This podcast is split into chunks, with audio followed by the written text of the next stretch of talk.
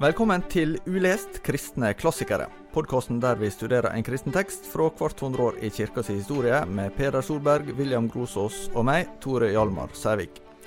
Sist snakka vi om Perpetuas og Felicitas martyrium, og det er en tekst fra Kartago i Nord-Afrika tidlig på 200-tallet. Og i dag skal vi prøve å sette denne teksten inn i et litt større perspektiv. Og en av de tingene vi var inne på sist, er jo at dette er en veldig emosjonell tekst. Det er, en, det er en sterk tekst, gjør inntrykk. Eh, du William, nevnte at du har brukt den i en andakt for studenter på NLA. Og eh, der er formuleringer der som en liksom ikke kan unngå å eh, bli bevega av, rett og slett. Og så var det en ting vi var vi var eh, inne på da vi, vi forberedte oss til denne episoden, det hva gjør det egentlig med oss å lese martyrfortellinga? For det er jo ikke noe som vi bare er fra denne tida, det er jo noe vi har fra hele kirkas historie. Og et av de mest kjente fra nyere tid er jo nettopp fra Nord-Afrika. Fra Libya i 2015, eh, der 21 eh, koptiske kristne, altså fra Egypt, ble halshogde på stranda av ekstreme islamister. Um, hva opplever dere sjøl at, at uh, sånne martyretekster gjør med dere? Altså, de, er, de gjør inntrykk. Altså, de, du kan ikke uh, møte sånne fortellinger, enten, enten de er uh, gamle eller moderne, uten at de gjør inntrykk på deg. Altså, uberørt kan man ikke være i møte med sånne fortellinger. Uh, og det er jo noe av, av, av, disse beretningenes kraft, og som gjør at de alltid har vært så populær, populære. Og blitt brukt og misbrukt, kan vi også si. Det kan vi snakke mer om. Men altså, fordi det er fortellinger som griper til dypet av oss. Hva er det som, som ligger helt i bunnen av, av uh, våre eksistensielle både lengsler, behov, og også vår kraft til å motstå ytre press i forhold til å være tro mot det som er eh, fundamentalt viktig for oss. da. Jeg, jeg tenker på det bare når, det, det, er jo ikke en martyrfortelling i det handler om Kristus sjøl, men sånn, når Maria Mena står på underholdningsprogram på, på TV 2 eller hvor det var, og synger Bjørn, Bjørn Eidsvåg sin 'Til alle tider' mm. eh, en fredagskveld, så, så, sier jo noen allmennmennesker om dette med den som ofrer seg for det jeg mener er, er rett og sant det, det har et slags allmennmenneskelig eller sånn Det er noe veldig sterkt ved det, da.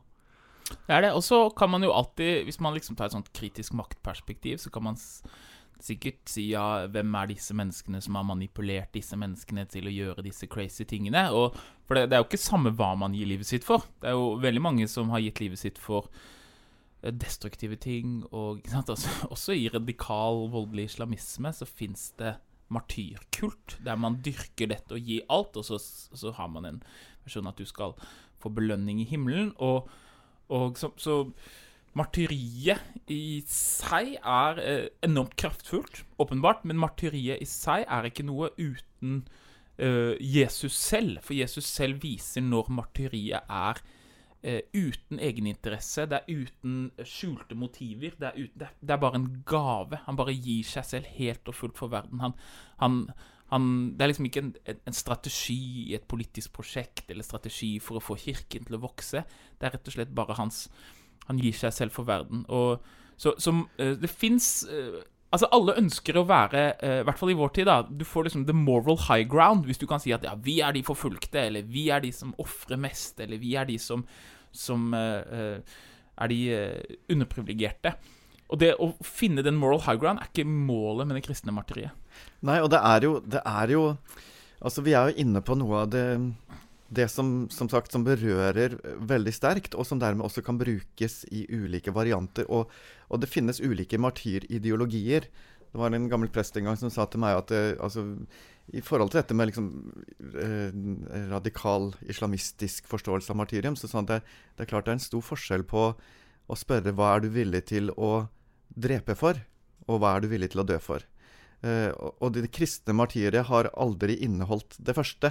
Altså Det handler ikke om hva du er villig til å drepe for for, for å få gjennomslag for en ideologi, men det handler om hva du er villig til å stå uh, fast på, kan du si, og villig til å ofre alt for. Og det er jo som du, når du nevner Maria Mena, altså det er alle offerfortellinger ligner hverandre når det kommer til nettopp dette her. Altså uh, uh, Jeg tror de aller fleste av oss vil gjenkjenne noe av ulike martyrideologiers liksom kjerne i spørsmålet om liksom hva ofrer du, og, og hvordan ofrer du det, for å si det sånn. Eh, og de, de offerfortellingene som kristendommen dyrker, på sitt beste i hvert fall, eh, de har Jesus sitt offer som forbilde. Eh, det er veldig tydelig i den teksten her. Altså, det er en sånn det er en sånn frihet i at Ja, men jeg har ingenting å miste. Jeg har egentlig alt å vinne fordi eh, Fordi jeg på en måte har eh, Jeg har funnet den kjærligheten som overvinner alt, kan du si. Altså, og, og, og, og, det er dette kjærlighetsperspektivet da, som Altså, vi, vi, vi, kommer ikke unna å bruke store ord når vi er inne på disse tingene her, for det her, det her er det liksom Det er her det Brenner på dypet. Eller det var et dårlig uh, brenn i helvete! Nei uh, det, det, det, er jo et, et, sitat Altså, Jeg lurer på om det var han amerikanske misjonæren Jim Elliot som, som døde i Ecuador, eller noe sånt, som sa han er ingen tosk som gir det han ikke kan beholde, for, for å få det han aldri kan miste. Mm. Og, og, det er jo det perspektivet jeg tenker ligger til grunn for mye av den martyrfortellinga. Eh, motsatt til f.eks. Der, der det blir en, en maktdemonstrasjon, eh, nærmest, med altså Skrekkeksempler fra moderne tid er jo et Folkets tempel med Jim Jones, som dro med seg 900 amerikanere ned til Guyana og, og eller 900 som vel eh, ble drept, eller ja. Mm. Eh, så, så, så, klart, det er jo en veldig sånn destruktiv kraft også i dette her med å, å være villig til å dø. Det det, og, og, men jeg synes et veldig viktig spørsmål er hva skjer med martyrfortellingene når de uh, får en annen kontekst enn det de er eh, i. Det som er det sammenhengen mellom disse IS-martyrene fra 2015 og Perpetua og Felicitas, det er jo at de er en minoritet, en utsatt minoritet. Eh, men hva skjer med disse martyrfortellingene når du er på maktens side, og du fortsetter å dyrke de? Du kommer på Når Karl den stores liksom begynner med utgravinger i katakombene i, på 800-tallet i kristendommens historie, så finner de katakombene, og så regner de at alle som er gravlagt her, de er martyrer. Det er liksom sånn de tenkte. Men det stemte jo ikke. Det var jo bare vanlige graver, det meste av det. Men da får du denne voldsomme martyrdyrkningen, samtidig som at du har den politiske makten.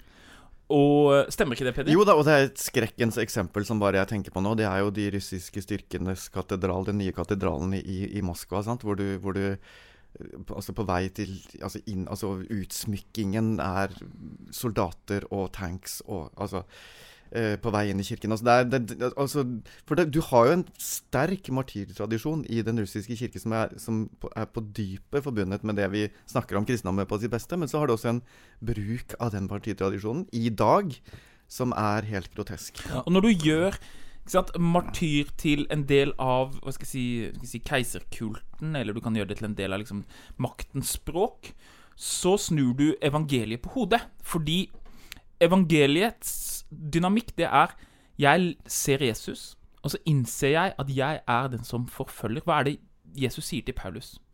Hvem er du? spør Paulus. Og så sier eh, Jesus, jeg er den som du forfølger. Og det er sånn kristne gjenkjenner Jesus. Jeg, Gud, Jesus er den som jeg forfølger. Mm.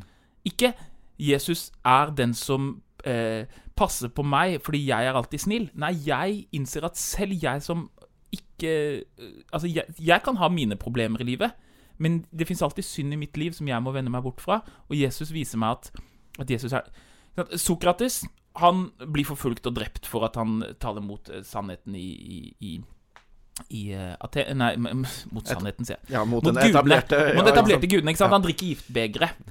Og det ligner veldig på Jesus. Men hva er forskjellen på evangeliefortellingen og Platons fortelling av Sokrates død? Forskjellen er at Platon og de andre vennene til Sokrates, de blir hos Sokrates. Og de, liksom, de er på hans lag hele veien. Mens det som skjer i evangeliene, det er at selv Peter blir den som du forfølger. Altså, Peter skifter side og blir ikke martyren, men forfølgeren. Ja, og det, Vik fra meg, Satan. Vik fra meg, Satan. Og ja. det evangeliene lærer meg til, det er ikke å finne uh, måtte, prøve å identifisere meg som martyr eller prøve å identifisere meg som offer, men å identifisere de menneskene som er ofre eller martyrer pga. meg, eller pga. de sammenhengene jeg er en del av, eller de relasjonene jeg er en del av. Og Det er det som blir snudd på hodet, både i, i Russland nå. ikke sant? De, de, dyrker at vi er martyrene her. Det er vi som blir forfulgt, der verden er mot oss. Mens det de blir helt blind for, det er jo det evangeliet vil åpne for oss. Hvilke fellesskap er vi en del av som skaper andre martyrer? Det mm. samme skjedde i kristen middelalder. Eh, mm. med Karl den store og hele den karolingiske riket, der man etter hvert lager jødene som, som eh, eh som eh, syndebukker. Eh, og det henger sammen med at man dyrker seg selv som vi er de sanne kristne, vi er martyrene. Vi er jødene forfølgt. Dere er ikke forfulgt. Mm. Det er jødene som er forfulgt her. Det er de som er martyrene. Og hvis dere hadde hatt Hvis dere hadde lest evangeliene eh, slik evangeliene er skrevet, så hadde dere sett at dere er Peti. Og den, dette minoriteten er nå Jesus, ikke meg. Det er et viktig eksempel du trekker fram der, og, og, der ser vi jo nettopp noe av den dynamikken helt konkret. Altså Hvis du leser den første kjente kristne martyrfortellingen da, etter, etter Stefanus i, i Apostelens gjerning, altså Polikarps martyrium, så står det der om, eh, om at noen av jødene var de ivrigste etter å eh, angi de kristne til til myndighetene, og, og, og, også konkret når det gjaldt Polikarp. Og det, Historisk sett så kan nok det stemme. Fordi at det nettopp som vi var inne på i forrige episode, så, så hadde jødene et privilegium i, i, i, romersk sammenheng som de kristne på en måte trua. Fordi at kristne og jøder ganske lenge ble forbundet med hverandre av romerne. Eh, og jo mer de, de, kristne på en måte undergrov jødenes hardt tilkjempede eh, eh, hva skal jeg si, fredelig sameksistens med de romerske myndighetene, så var de en trussel. Så, så poenget der er at der, der, er det noen få setninger som, hvor jødene står på lag med forfølgerne. Og så får du en total politisk eh, omkalfatring med Konstantin og videre i det kristne Europa, sant? hvor disse tekstene brukes i en ny tid til å gjøre jødene fortsatt til noen som på en måte kjemper mot de kristne på, på, på den ondes vegne, eller whatever. Altså, altså det er en, men hvor det er jødene som, som, er den forfulgte minoriteten. Og de kristne ser det ikke. Fordi de, er, de, de, kan bruke disse tekstene Ja, men jødene er jo de som alltid har forfulgt oss. Mm. Så, ja. dette, dette, gjelder jo ikke bare liksom Russland, eller det gjelder, altså, men det gjelder i vår hverdag også. Jeg bare tenker på Du har kulturkrigen mellom høyresiden og venstresiden. Du importerer den fra USA, eller kirkekampen i Norge. ikke sant? Er man, øh, er man konservativ, eller er man liberal? Og, og hele tiden så leter virker det som at begge parter leter etter situasjoner der de kan beskrive seg selv som den utsatte part. Mm. Å ja, nei, vi er de forfulgte. Det er liksom hele narrativet, både fra, fra venstresiden og fra høyresiden, eller fra liberale konservative i kirken. Og eh, man kan liksom Ja, vi er de små og forfulgte. Og eh, selvfølgelig kan det hende at du er en minoritet, eller at du, de, oppfatningene dine er upopulære, men det er ikke det samme som å være forfulgt. Eh, og du kan fortsatt være i dine fellesskap eh, en, en, del av et, en eh, en forfølgende majoritet. Du, og du, må, du finner Jesus når du hører svaret som Paulus får. Hvor Hvem er du? Jeg er den som du forfølger. Og Det er så dypt. Eh, og, og, eh, hvis ikke vi er villige til å lete etter Jesus der, så, eh, så finner vi han ikke. Og så er det et, et poeng til i, som kommer så tydelig fram i denne teksten om Perpetua og Felicitas, syns jeg. Det er at dette er ikke en offermentalitetsfortelling. Dette er en fortelling som går mer inn i den siste saligprisningen til, til uh, Jesus i, i, i bergprekenen. Sant? Altså når, når, de snakker ondt om dere, og når de forfølger Så gled dere og hopp av fryd, som det står. Altså det, dette er en tekst som formidler ikke så Og stakkars oss som er forfulgt. Det er hvem er mer privilegert enn oss, som får lov til å vitne om Kristus gjennom vår død og vinne seierskransen, gå gjennom livets port. Som de, altså, det er så masse sånn symbolikk i denne teksten som både knytter seg til, til evangeliet og til romersk kultur, hvor altså de som kom ut av disse her eh, arenaene. arenaene med livet i behold, gikk gjennom livets port. Altså, det er vi som går gjennom livets port ved at vi dør. Altså, det er en sånn dette er ikke en offermentalitetstekst. Tvert imot. Og Derfor er det viktig dette at hun skriver det selv, før hun blir drept. For hvis det hadde vært en annen person som hadde sittet 20 år senere og skulle lage en sånn martyrkult rundt Perpetua, så kan du liksom si ja, så, skrev, så tenkte hun sånn rett før hun så døde, jeg er den egentlige seirende. ikke sant? Og da, Da kan du lage en martyrkult senere som du kan utnytte, eller som du kan Men hun skriver det selv. Hun har disse visjonene at hun, sant? hun er i fengselscellen, og så ser hun at at det kommer en stor egypter som er som en sånn eh, gladiatoraktig kledd egypter som skal slåss med henne. Og det er jo det hun ikke sant? Hun har den her bildet av hvordan det kommer til å være ute på gladiatoren. Og det blir en egypter, for det, det er som en farao. Men det er egentlig Satan. Og hva er det som, hva er det som skjer i, i visjonen hennes? Hun banker dritten ut av Satan ikke sant? I, i visjonen hennes. Og det på en måte gir en, et bilde av hva er det som egentlig foregår her. Jeg er ikke offeret her nå. Jeg er seireren. Jeg banker dritten ut av Satan når jeg går ut på den, den arenaen, og jeg er villig til å gi mitt liv. Og jeg, jeg, jeg, eh, jeg seirer, ikke sant? Det er det bildet som brukes i Johans åpenbaring. De som har seiret Nikao, vi kjenner det fra uttrykket Nike, ikke sant? Eh, eh, det betyr å seire. Det er de som har seiret. Ikke de som er offer, og de du må passe på. Ja, selvfølgelig skal vi men de har seiret i Jesu blod. Og det er veldig interessant i, i forlengelsen av det bildet du nevner, den visjonen hun har med den kampen med egypteren. Så hvem er det som er keiseren? Som på en måte står for hele spillet her? Jo, det er Jesus. Altså Det er Jesus som på en måte er, Ja, er. Som går inn i Det det, altså, Som lar henne kjempe med Satan og vinne. Ikke sant? Og som tar henne imot så, i, gjennom livets port. Altså er, du tenker liksom at det, altså, Keiseren er jo den onde her. Nei. Altså Alt er snudd på hodet. til. Så da, vi har altså et uh, arena Ja. med et faktisk kamp som skal foregå mellom Perpetua og Ja. en, en, uh, en eh, Der er det jo et, et vilt dyr, da. et, et vilt dyr, ikke Ja. sant? Og så skal hun dø, og det vet hun skal skje. Og så har hun en visjon, og det som har skjedd da, det har jeg ikke tenkt på tidligere, men det er at det er en akkurat tilsvarende uh, arena, Ja. bare at den hun slåss med, er uh, Satan. Og keiseren, som hun gjør det på en måte på fødselsdagens til, som det står om her, eller liksom som har eh, Som lar henne seire over Satan, det er Jesus. Så, ja. ja. Så, så, så, så, så alle roller på en måte vris om, kan du si. Hvor, hvor det er Jesus som egentlig er den som lar den onde keiseren altså gjøre dette for eh, Altså med henne.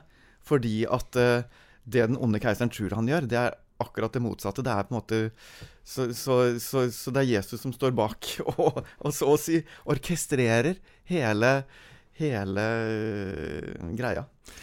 Der ligger jo ei spenning her mellom det å øh, frykte martyriet og det å oppsøke eller romantisere det, Ja. som også er et tema som, som er, er omtalt og omdiskutert på den tida som, som dette skjer. Kan dere si noe om hva, hvordan det blir tenkt rundt det? For, for det finnes jo eksponenter for det, de som nærmest vil anbefale kristne å, å, å, opp- å gå i en slags provokasjon, så gjør de også kan bli martyrer. Og så finnes det andre som sier dette er jo ikke konstruktivt.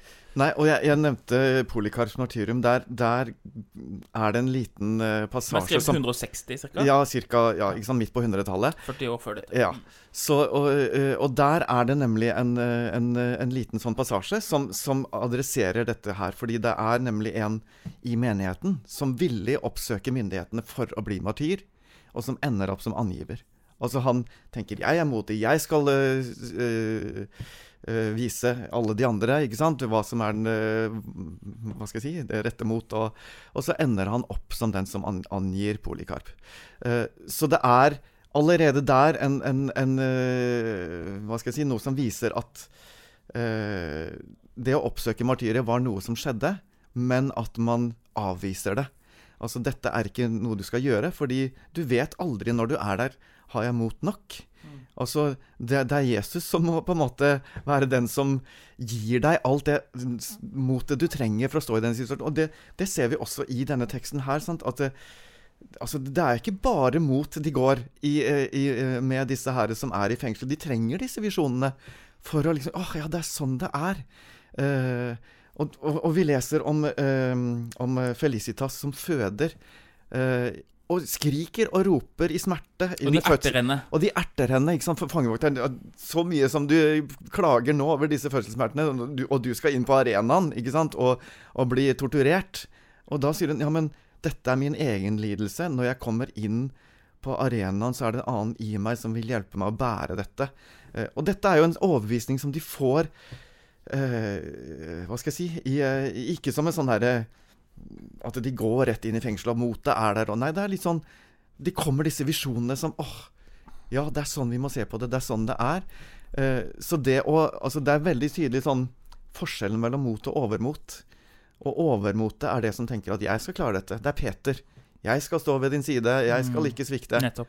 Men, men det er jo et sånt perspektiv som jeg, jeg tenker ligger i Guds løfte sånn generelt. Altså i Fader vår. Gi oss i dag vårt daglige brød. Mm. Eh, eh, eller når, eh, når vi leser i, i salmene ikke sant? Ditt ord er et eh, en lykt for min fot og et lys på min sti. Og så, så, så sier du noe om at det, du er ikke liksom bare bana en vei, eller du har et slags reservoar med mot fra nå til din dødsdag, samme hva som måtte møte deg. Altså, du, du må hele tiden, og det er litt sånn med, med nåde også, at en, en må hele tiden bli fornya i, i det kristne livet. da. De kaller det for en nådegave, martyriet. Det er en Mm. nådegave. Fordi er, jeg har ikke kraft i meg selv til det.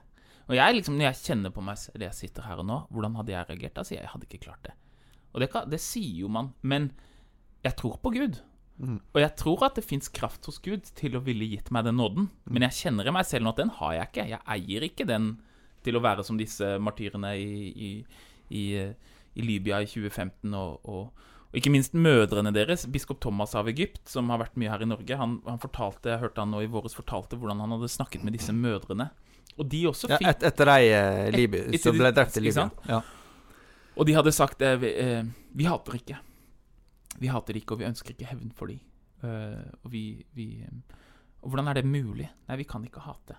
Uh, og det også er en nådegave. Det kan man ikke kreve av noen å si. Det er ikke noe sånn 'dette krever moralloven av deg', og du er et dårlig menneske hvis du ikke Ikke det hele tatt. Men det fins hos Jesus i bønn en mulighet som vi kan be om å få det som en kjarisme, altså en, en nådegave, ikke som noe vi Og, og em, vi Jeg tenker jo kanskje Det her er veldig vanskelig. En av de vanskeligste eh, linjene i, i, i Herrens bønn, Fader vår, det er jo det som tidligere ble oversatt som å lede oss ikke inn i fristelse. Eller la oss ikke komme i fristelse.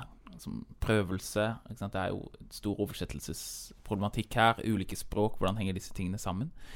Men kanskje martyriet er den, den konteksten som vi her eh, eh, bør forstå den linja i. Eh, eh, vi vil leve. Vi vil, eh, og hvis vi skal gi livet vårt, så er det for dødens Nei, hvis vi skal gi livet vårt, så er det for livets skyld. Så Herre, vi vil ikke martyriet. Led oss ikke inn i fristelse.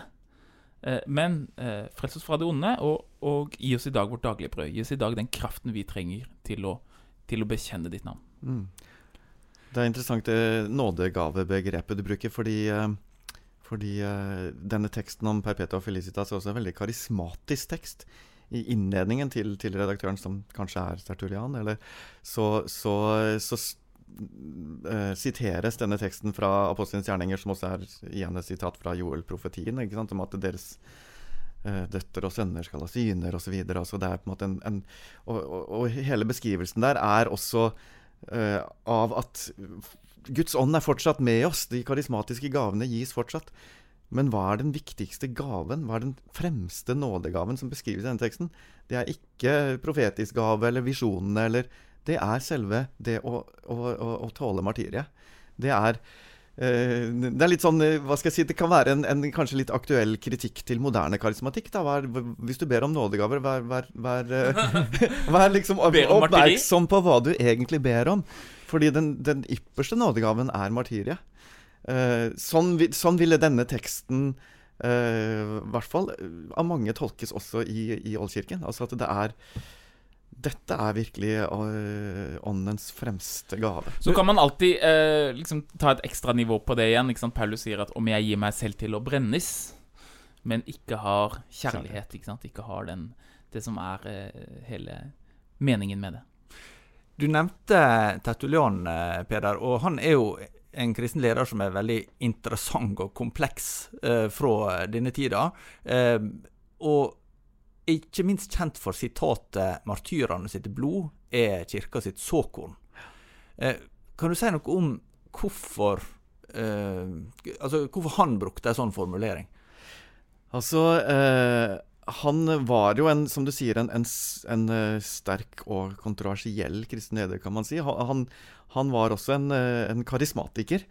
Eh, I en periode, i hvert fall, så, så var han eh, tilknytta eh, en bevegelse som, som etter hvert fikk litt eh, bad press i kirken, for å si det sånn.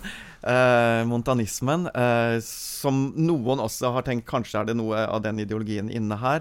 Men han, han er jo veldig opptatt av en sånn konfrontasjonslinje, så å si, mellom eh, Han er også kjent for å eh, si hva har Aten med Jerusalem å gjøre? Altså en, en veldig sånn Altså, vi kristne, vi er et annet folk. Vi er Uh, hva skal jeg si Han var en mer en sånn polemisk eh, ideolog, kan du si. En, en, en, så det, det, var ikke noe sånne kristne oppsto ikke med dagens sine debattspalte? ja, nei, men Tertulian hadde, var jo en ret, uh, retorisk begavelse og skrev jo på latin, ja. og er på en måte den første som, som utvikler et, et retorisk og teologisk rikt språk, og en, ble en helt i Nord-Afrika nettopp fordi at han han var helt uovertruffen som, eh, som uh, skribent og som uh, retoriker, og, og, kunne komme opp med og, men, men, levde i denne spenningen som, som mellom Kirken som, et, en, en, som har en, en, ordning med biskoper, og det som kommer det karismatiske, det frie og det faste. Denne spenningen lever gjennom Kirken hele tiden. Litt sånn som i Gammeltestamentet så har du profetene som kritiserer prestene, og, og motsatt. Og i Nytestamentet så har du Paulus og Peter, som har sin liksom ulike kallserfaring. Peter er liksom ordnet. Eh, ordnet. Alle har sett at Jesus fikk et kall av Peter. Og alle vet at Peter har denne eh, autoriteten. Unnskyld. Ja, Peter fikk et kall av Jesus. Men, Mens Paulus fikk jo et, kall, et karismatisk kall eh, som ingen av de andre hadde observert. Og denne, det frie og det faste, eh, det det lever i en sånn spenning gjennom hele kirken. Og, og uh, Tertulian er jo en uh, veldig sterk uh, talsmann for den, den, den, den, frie delen av det. da Så jeg tror nok det er noen som har beskrevet han som Jeg tror det var Peter Halter som snakka om at han er en, den, den, første frikirkelige teolog. Jeg vet ikke om, det, om han ville stått for den formuleringen i dag, men, men det er i hvert fall en jeg tror det er mange i, fra en pinsekarismatisk bakgrunn som ville kjent igjen veldig mange av de tingene som, Tertulian var opptatt av, og kjente han, ja, dette er jeg også opptatt av. Men eh, det illustrerer også noe av de spenningene som finnes i kirka på denne tida. For det, det, er jo lett å tenke hvis en sitter i eh, Vesten, i det som mange opplever som er mer og mer sekularisert og etter kristen tid, og tenker at ja, på denne tida var det ånd og kraft og enhet og, og framgang. Eh, men det, det er kanskje ikke fullt så enkelt.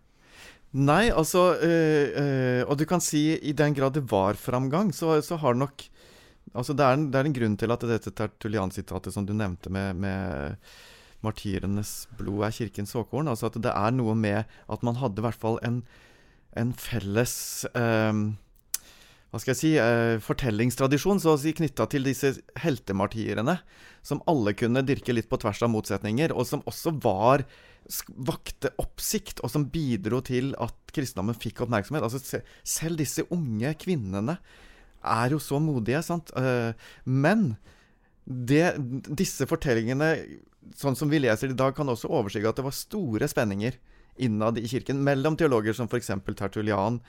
Eh, altså, Vi kan snakke om Kyprian, vi kan snakke om Origenes. Ja, for, for det var det neste jeg tenkte vi må bruke litt tid nå på, på slutten. For, for uh, Origenes er vel eh, Det er ikke noen overdrivelse å si at han er den viktigste eh, kristne teologen på 200-tallet, men også den mest omdiskuterte.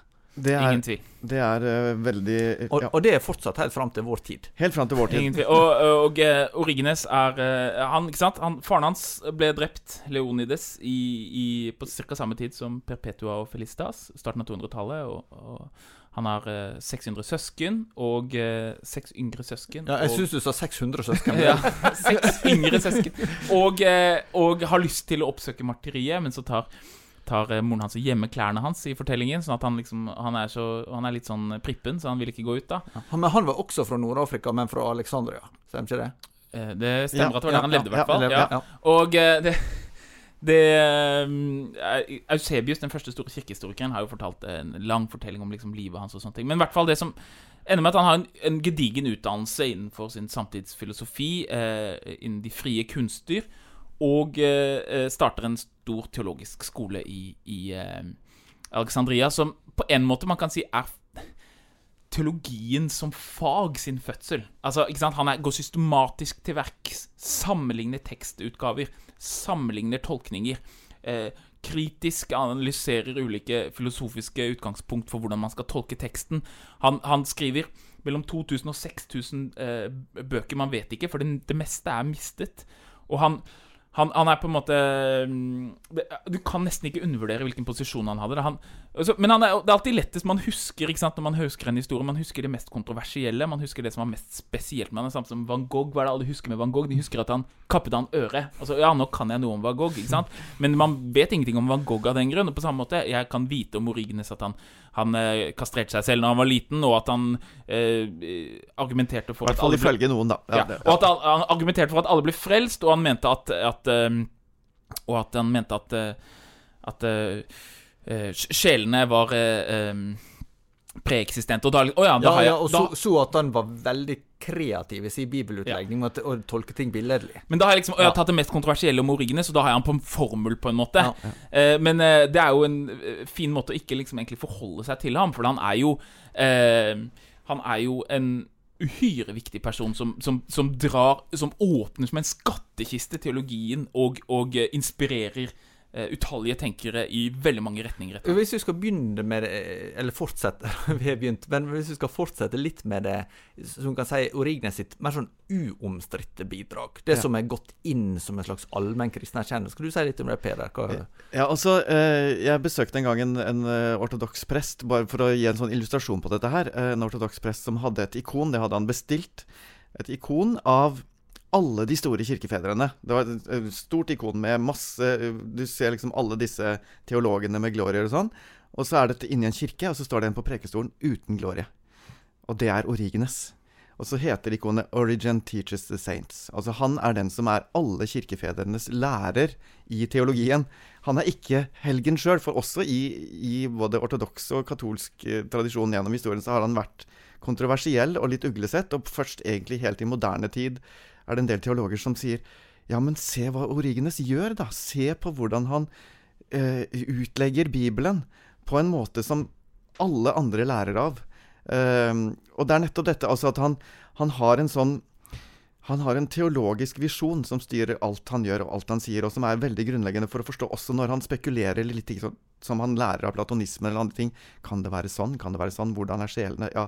Men det grunnleggende er det kristologiske. Altså at alt handler om Jesus.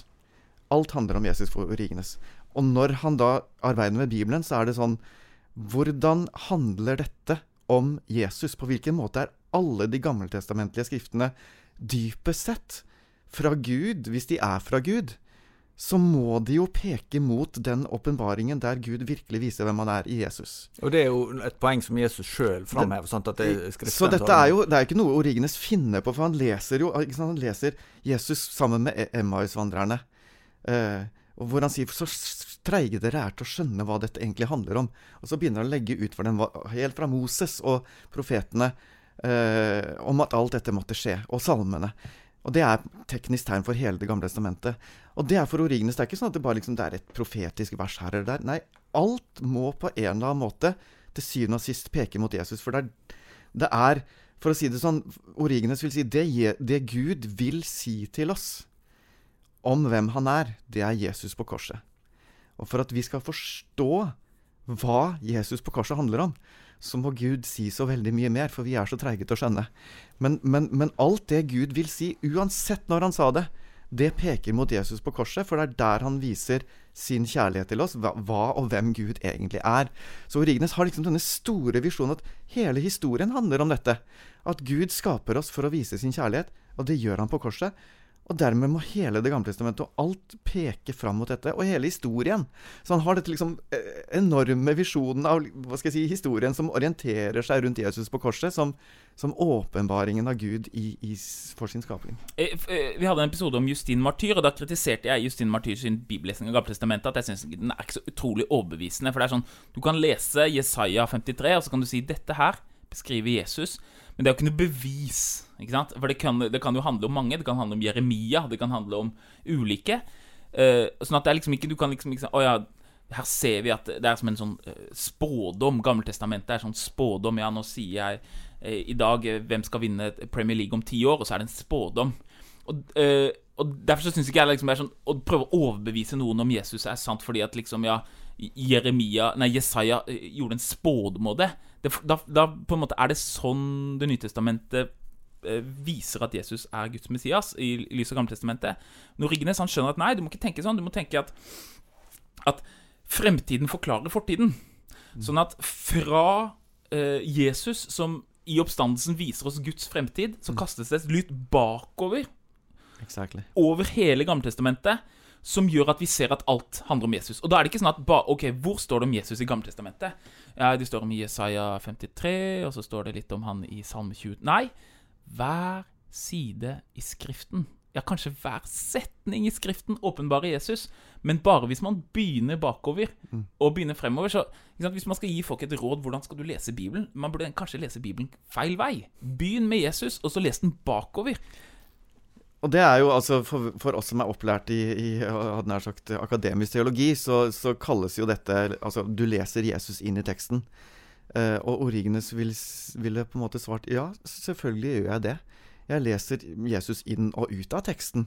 Fordi hvis det er her Gud åpenbarer seg, og hvis det er Gud som står bak skaperverket og Israels historie, så er det jo dette han vil si.